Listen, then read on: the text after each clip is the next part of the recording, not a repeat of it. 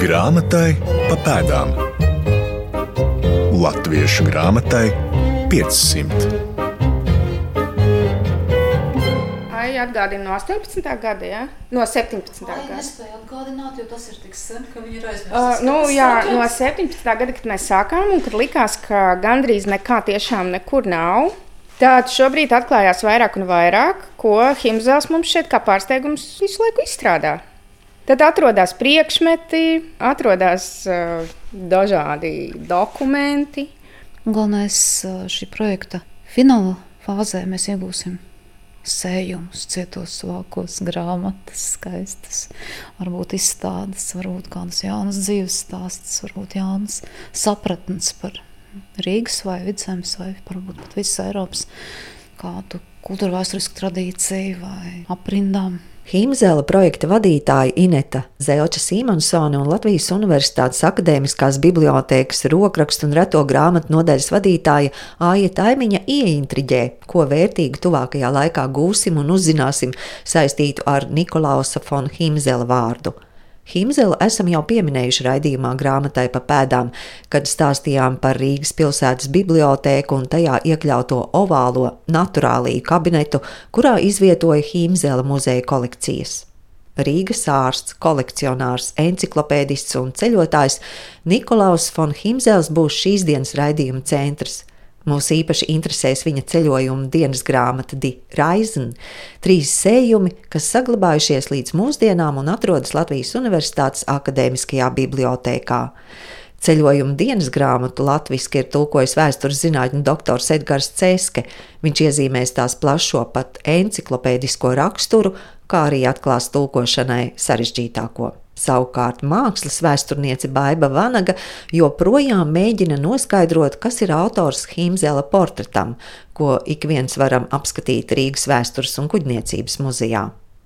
Pirms tikos ar pētniekiem nenojautu, cik sarežģīts un detektīvam līdzīgs ir speciālistu darbs pētot Himzela atstāto mantojumu. Grāmatai pa pēdām. Nikolaus Himzels dzimis Rīgā 1729. gada 16. oktobrī Rīgas galvenā ārsta Johima Gebhārta Himzela un viņa sievas Katrīnas Kristīnas dzimušas Martīnī ģimenē. Nikolaus beidzis Rīgas domu skolu, studējis Kēnigsbergas Universitātē un studijas turpinājis Getingenē. Himzels nāk no ārstu dzimtas. Īpaši vērsīsim uzmanību Nikolausa vecstāvam no mātes puses. Nikolausam Martīnī. Šo līniju pētījusi Aija Taimiņa. Nikolaus Martīni ir viens no tiem Himzēļa dzimtā, kurš varbūt iedibina šo kolekcionēšanas un krāšanas tradīciju. Kā redzams no tā, kādu amatu Nikolaus Martīni ieņēmis, tie noteikti ir labi apmaksāti amati bijuši. Nikolaus Martīni situācija Rīgas pilsētā ir izcila. Pie Nikolaus Martīni viņa mājā viņa namā un viņa aptiekā ir viesojis Pēters I. Nikolaus Martīnī ir bijis tas, kurš studiju laikos un vēlākos laikos, acīm redzot, ir sācis veidot gan grāmatu kolekciju, gan mm, dažādu kuriozu priekšmetu kolekcijas, gan pārvedis gleznas un gravīras uz Rīgu kurām dabas zinātņu priekšmetu kolekcionēšana ir bijusi ne tikai blakus lieta, bet ārkārtīgi svarīga un ļoti interesējoša joma, kam viņš ir nodevies ar patiesu sirsnību, un ne tikai un kļūst par respektētu autoritāti. Kāpēc vēl Nikolaus Martīnī mēs pieminam? Nu, kaut vai tāpēc, ka Nikolaus Martīnī ir uzturējis saraksti ar ārkārtīgi izcilo Britu zemju dabas zinātņu kolekcionāru, mecenātu, liela vēriena muzeja veidotāju Hansu Slonu, ko mēs šobrīd pazīstam kā Britu muzeja kolekcijas izveidotāju. Martīnī vēstules Slona sarakstē. Tā ir viena interesanta epizode. Šī visa situācija saistās ap Himzela namu, ap Himzela dzimtu, Himzela Martīnī dzimtu.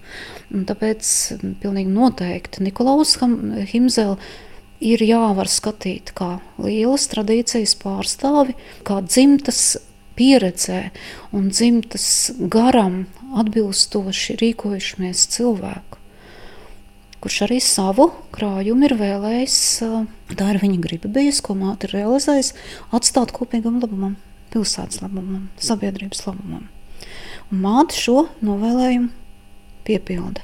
35 gadu vecumā inficējies no kāda slimnieka, Nikolaus Himzels mirst. Pēc viņa nāves māte, pildot dēla gribu, kolekcijas, kuras bija saņemtas mantojumā arī no tēva un vectēva, novēlēja Rīgas pilsētai. No dabas zinātnisko un mākslas priekšmetu kolekcijām izveidoja publisko Himzela muzeju, pirmo muzeju Baltijā un vienu no pirmajiem publiskajiem muzejiem Eiropā. No Himzela kolekcijām izauguši trīs lieli Latvijas muzeji, tā skaitā Rīgas vēstures un kuģniecības muzejs, kas šogad svin 250 gadus. Šajā reizē uzmanību pievēršam grāmatu kolekcijai, kas novēlēta Rīgas pilsētas bibliotēkai. Himzela grāmatu kolekcijas novēlējums 3400 grāmatas ir Rīgas pilsētas bibliotekas vēsturē patiesi visvērienīgākais, visskaitliski vislielākais grāmatu dāvinājums. Biblioteka to saņem diezgan vēlu, 1790. gadā. Bet acīm redzot, šis dāvinājums ir šķitis jau to laiku visai nopietni ņemams un visai, visai respektējams. Mēs par tā saturu zinām ļoti maz, gandrīz neko. Ir saglabājušies tikai pāri nepilnīgi iesākumu um, saraksti. Tomēr ir skaidrs, ka tur ir grāmatas par medicīnu, par dabas zinātnēm, par fiziku. Par um, botāniku, ceļojumu aprakstu dažādās valodās, tā skaitā angļu. Himzelam ir bijušas grāmatas, ko rakstījuši tādi nopietni zinātnieki kā Ņūtons, kā Levenhaupts, kā Linnējs un arī daudz citi sacerējumi mazāki, lielāki. Grūti pateikt. Diemžēl šī bagātība ir gājusi bojā. Pēc 1941. gada degšanas mēs neko daudz vairs pateikt citu nevaram, kā tikai to, ka tas bija liels, skaists, vērienīgs un vērtīgs dāvinājums un novēlējums. Artefakta gaismā. Savukārt ir zināms datums un diena, kad Rīgas pilsētas biblioteka saņēmusi Himzela ceļojuma dienas grāmatu, trīs sējumus autora rokrakstā. Pēc studiju beigšanas Niklaus Himzels bija devies piecus gadus ilgā Eiropas ceļojumā. Bibliotēkas pārzēns viņš ir pierakstījis, ka 1790. gada 30. jūlijā ir saņemtas no Himzeļa muzeja sakojošs papildinājums priekšpilsētas bibliotekas krājuma domāts. Un proti, tā ir vairākas folio sējumi par angļu valodā par dabas zinātni, Oksfordā iespiesti, bet kas mums ir vissvarīgākais un joprojām visvērtīgākais - fiksētā informācija, kā doktora Fona Himzeļa ceļojumi trijos um, ceturdaļu formāta sējumos viens manuskripts no 1752. līdz 57. gadam. Tas ir iesiets vienā. Tas Trīs sējumi. Aija taimiņa rāda vienu no trim sējumiem, kas iesiets ādas vākos, katram sējumam sava titullapa, tālāk vietu rādītājs, ko ceļotājs apskatīs. Nu, šajā sējumā ir Anglijas ceļojums, kas sākās ar Londonu, pēc tam ved uz Oksfordu, Tad viņš pārceļas atpakaļ uz kontinentu, tad viņš nonāk atkal Holandē, tad viņš no Holandas dodas uz Vāciju. No Vācijas viņš aizceļo tālāk uz Zviedriju. Vairākas vietas Zviedrijā ir redzētas un pētīts. No Zviedrijas viņa ceļš ir vedis tālāk uz Pēterburgu, no Pēterburgas uz Narvu, uz Tērbatu un visbeidzot atkal Rīgā. Viņš atgriežas. Tas ir viņa rokraksts. Tas ir viņa rokraksts. Mēs tā uzskatām un mēs tā ticam. Protams, tas ir tīraksts, jo visnotaļ skaidrs, ka viņš ir ikdienišķi rakstījis savas dienas grāmatas vai piezīmes, bet šis ir pabeigts darbs un šis ir tīraksts, acīm redzot, taps kādu laiku pēc atgriešanās mājās.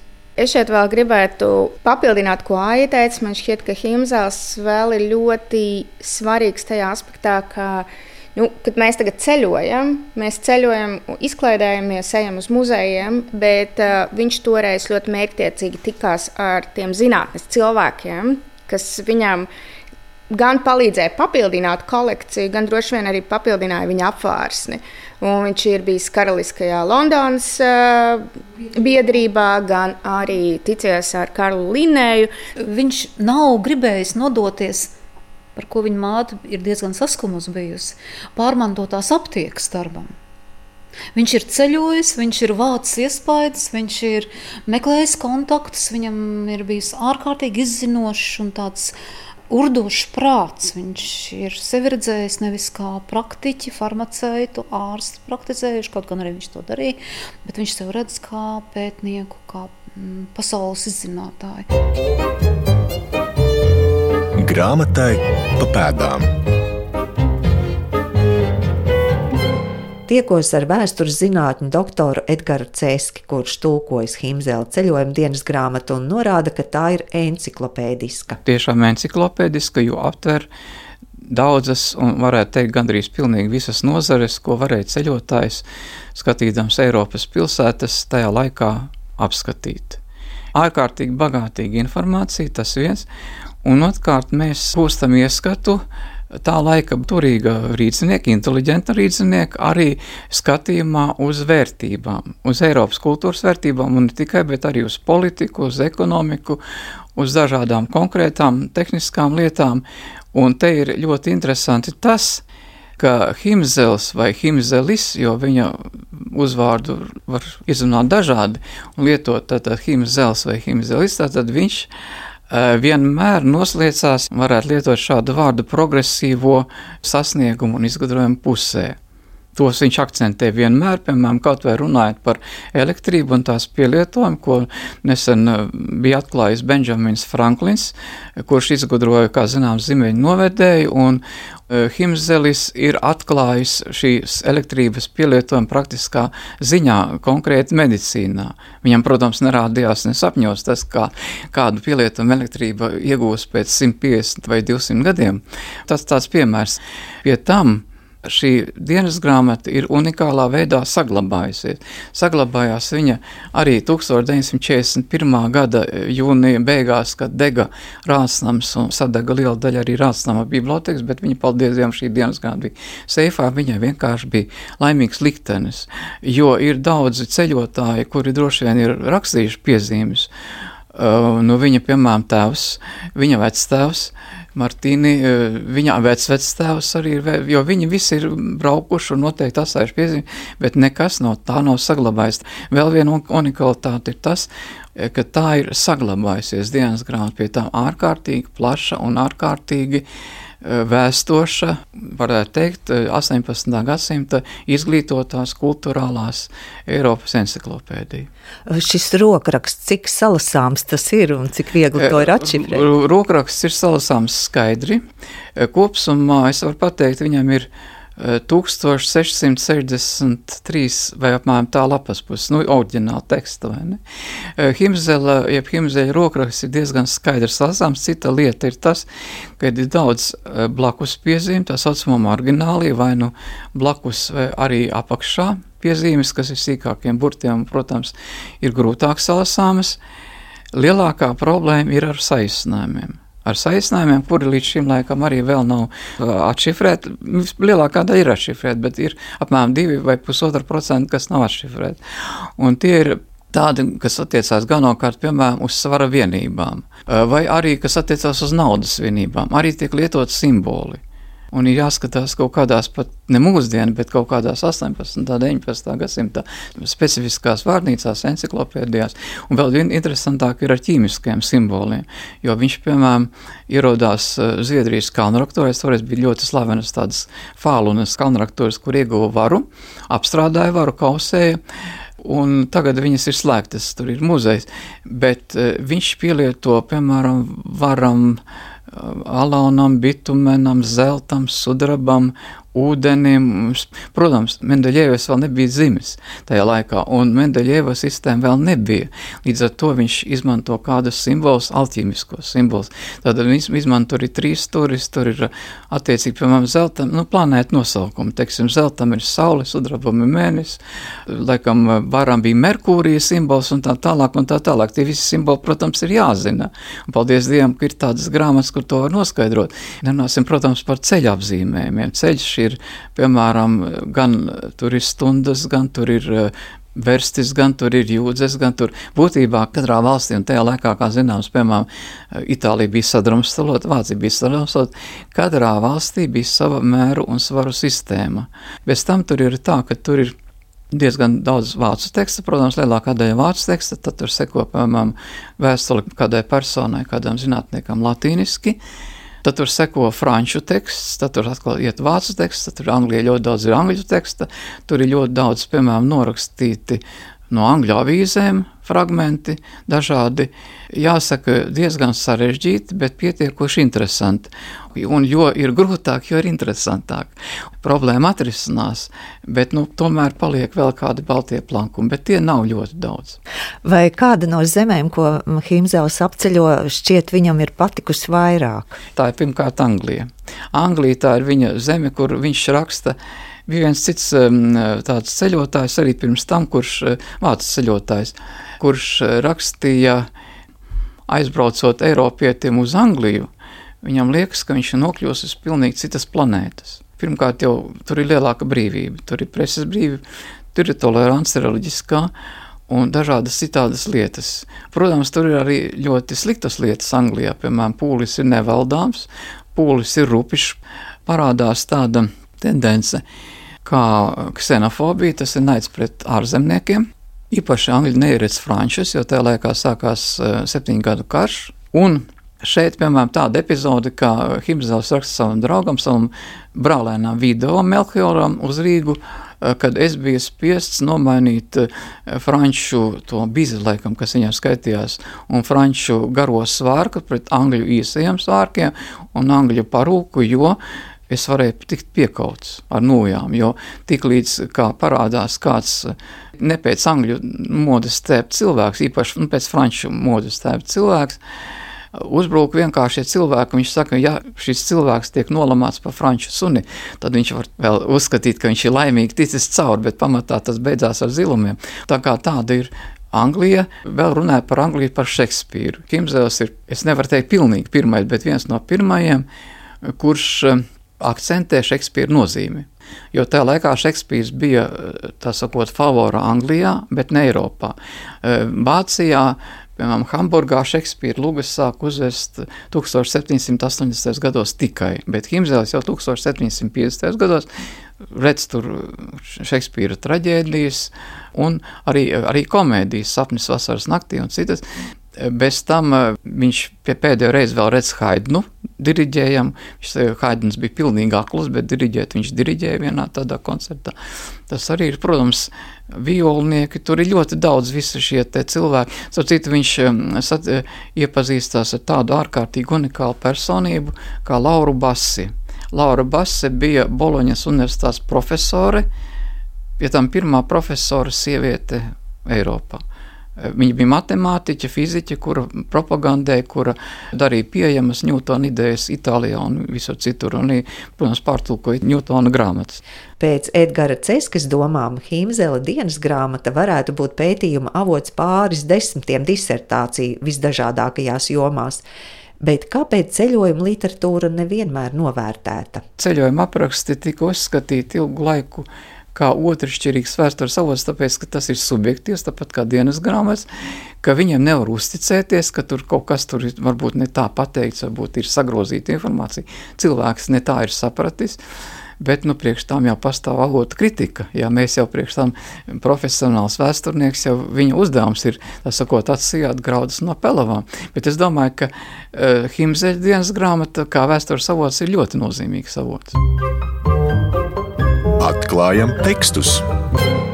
Jūs gribat arī kādu piemēru nolasīt? Es vienīgi varu nolasīt viņa paša citātu, ko uh -huh. viņš mhm. raksta otrā sējuma beigās. ka ceļojumi ir liela pasaules grāmata, no kuriem tas, kurš prot to pareizi lasīt, var iegūt tūkstošiem novērojumu. Slikti ir tikai tas, ka ne katrs to spēj, vai arī neprota tos pareizi izmantot savā labā. Himzela projekta vadītāja Inete Zelča Sīmansone piemin Olgu Loginovu, kas bijusi Rīgas vēstures un kuģniecības muzeja eksperte un darbiniece. Viņa svinot savukārt muzeja 200 gadi, tas ir pirms 50 gadiem, ielika šo Himzela tēmu Eiropas kontekstā. Ja mēs atceramies, ka tas ir vēl ļoti dziļš padomju laiks, es domāju, ka tas bija ļoti apzināti, ka viņa nenobijās un ielika mūs kā vienu no pirmajiem muzejiem Eiropā. Un šo arī tajā savā rakstā paskaidroja, protams, ar ideoloģiskām piedevām, kas toreiz bija jādod, lai nopublicētos. Bet es domāju, ka tas bija viens no tādiem brīžiem, kad tas himzāls iziet tajā Eiropas kontekstā, mērogā. Un ka, ka šis gads, kad eh, mēs visi, protams, strādājam, dažādas institūcijas sadarbojamies, vairāk vai mazāk, bet kad mēs taisām arī šo konferenci, kas oktobrī, oktobra sākumā būs, kur Varbūt viņa nav īsta konference, mēs viņu drīzāk nosaucām šobrīd par himzāla lasījumiem, jo strādājot ar himzāla tēmu, mēs sapratām, cik himzāls tomēr ir tāds ļoti viltīga tēma, cik mēs ļoti daudz atklājam arī pētīšanas procesā, ja, un cik mums jāsaka, varbūt, ka likās, ka nu, ātrāk tas viss notiks, ja, bet cik ļoti viņš ir tāds viltīgi neātrs. Viņš negrib, lai lietas ātri notiktu. Viņš grib, lai mēs strādājam pie viņa. Himzela lasījumiem dots nosaukums Himzela detektīvs. Mūsdienu pētniekiem krietni jāpapūlis, vai nu latīnisko tulkojumu veicot, kad jāiesaistās veselai komandai, vai skaidrojot portreta autorību, Ir arī jauni atradumi pētot Martīnī dzimtu. Šajā sakarā spilgts piemērs ir mākslas vēsturnieces Baibas Vanagas pētījums, meklējot Himzela portreta autoru, kas atrodas Rīgas vēstures un kuģniecības muzeja kolonu zālē. Uz turieni dodos, lai tiktos ar mākslas vēsturnieci. Nu, ja mēs paskatāmies uz pašu portretu, pašu cilvēku, tad mēs tur redzam nu, zinātnieku, izglītotu cilvēku, kam fonā ir biblioteka ar vairākām grāmatām. Fonā ir kolona, kurā ir dati par to, ka viņš ir ārsts un viņa dzimšanas un miršanas dati. Mēs redzam viņu tādu skaisti. Nu, tādā brūnā, tā kā žaketē, metālī tērptu ar skaistu paaugstinātu apaklīti, kreklam un žābo un tādu košu apmetni un, un tādu īsu parūku, kas tā skaisti saņemta aizmugurē. Tad, kad es šī portreta sakarā konsultējos ar eh, modes vēsturnieci Edītu Parutu, tad eh, noskaidrojās, ka parūka ir tā ļoti tipiska 18. gadsimta 60. gadu laikam. Tātad tas ir tam laikam, kad, kas ir visticamāk ir bijuši Nikolaus Himzela pēdējie dzīves gadi, kad viņš šādu parūku visticamāk ir nesājis. Tā ir tāda pēc angļu modes parauga, tāda diezgan akadēmiska un vienkārša. Savukārt par tērpu mēs nevaram teikt, ka tas būtu kaut kas konkrēts. Un, un tas ir 18. gadsimta pirmai pusē vidum vairāk vai mazāk raksturīts, bet viņš tomēr tas apmetnis iziet ārpus. Tas ir tāds kā reprezentācijas. Un patiesībā, ja mēs tajā pašā rindā muzejā paskatāmies tālāk, tur mums ir arī zinātnieka Fišera portrets, kuram arī uz pleciem ir ir eh, liels sarkans apmetnis. Nu, tas ir tas, kā, nu, kā parāda to zinātniekus. Tas ir Himzela pēcnāvis portrets, jo uz kolonas iegleznots viņa nāves gads, un tas visu vēl vairāk sarežģīja, uzsver pētniece. Viņa nesola konferencē nosaukt gleznas autoru vārdu, taču cer tikt līdz ticamai versijai. Portrets ir zināms, ka ir gleznots 1765. gadā. Tad to portretu ir pasūtījusi Nikolās Himzela māte pēc viņa nāves. Un jau šveiciešu zinātnieks Johans Bernūlī 1778. gadā apmeklējot Himzela muzeju Rīgā, viņš raksta, ka stūrī stāv dibinātāja portrets, tātad viņš kopš tā laika ir arī publiski pieejams. Šis portrets nu, muzeja kolekcijā ir bijis visu laiku, bet piemēram 1883. gadā kad uh, notiek Rīgas kultūra vēsturiskā izstāde, ko rīko Rīgas senatnes un vēstures pētītāja biedrība. Tad sanāk ļoti daudz artefaktu. Tur ir portreti, tur ir uh, pilsētas skati, tur ir dažādi priekšmeti un tam līdzīgi. Un šis ir viens no portretiem, kas ir eksponēts. Mums ir tā laime, ka līdz mūsdienām ir saglabājies katalogs. Un katalogā tur ir skaidri rakstīts, ka šis portrets ir parakstīts un ir atšifrēts tas paraksts GRH, tātad trīs burti un attiecīgi gads. Un piezīmē, ka ir, šie burti ir savīti. Diemžēl šodien ne es no malas, ne muzeja darbinieki no otras puses vai restaurātori šo nevaram pārbaudīt. Jo visticamāk, gatavojoties Rīgas vēstures kuģniecības muzeja 200 gadu izstādē 1973. gadā, šis portrets ir ticis restaurēts. Un viņam apakšā ir uzlikts, viņš ir dublēts. Viņam apakšā ir vēl viens audekls, kurš tad aizsedz to, kas tur bija no muzeja restaurātora piezīmēm. Nu, tas ir mēģināts atšifrēt, kas tur ir bijis rakstīts. Bet tie burti, kas ir tajā restaurācijas pasē, nav tie paši, ko es tikko nosaucu.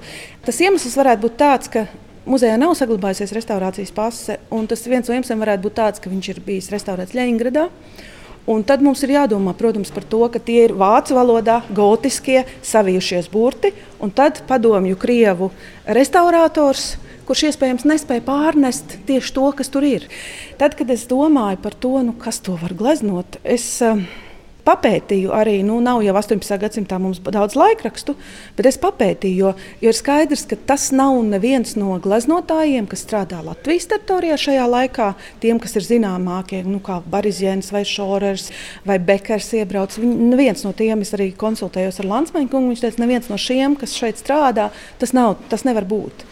Tā leģenda vēsta, ka māte portretu ir pasūtījusi pie gleznotāja, ko Niklaus von Himzels nu, personīgi pazina, kas bija pazīstams ar modeli. Tāpēc varēja pēc nāves uzgleznot.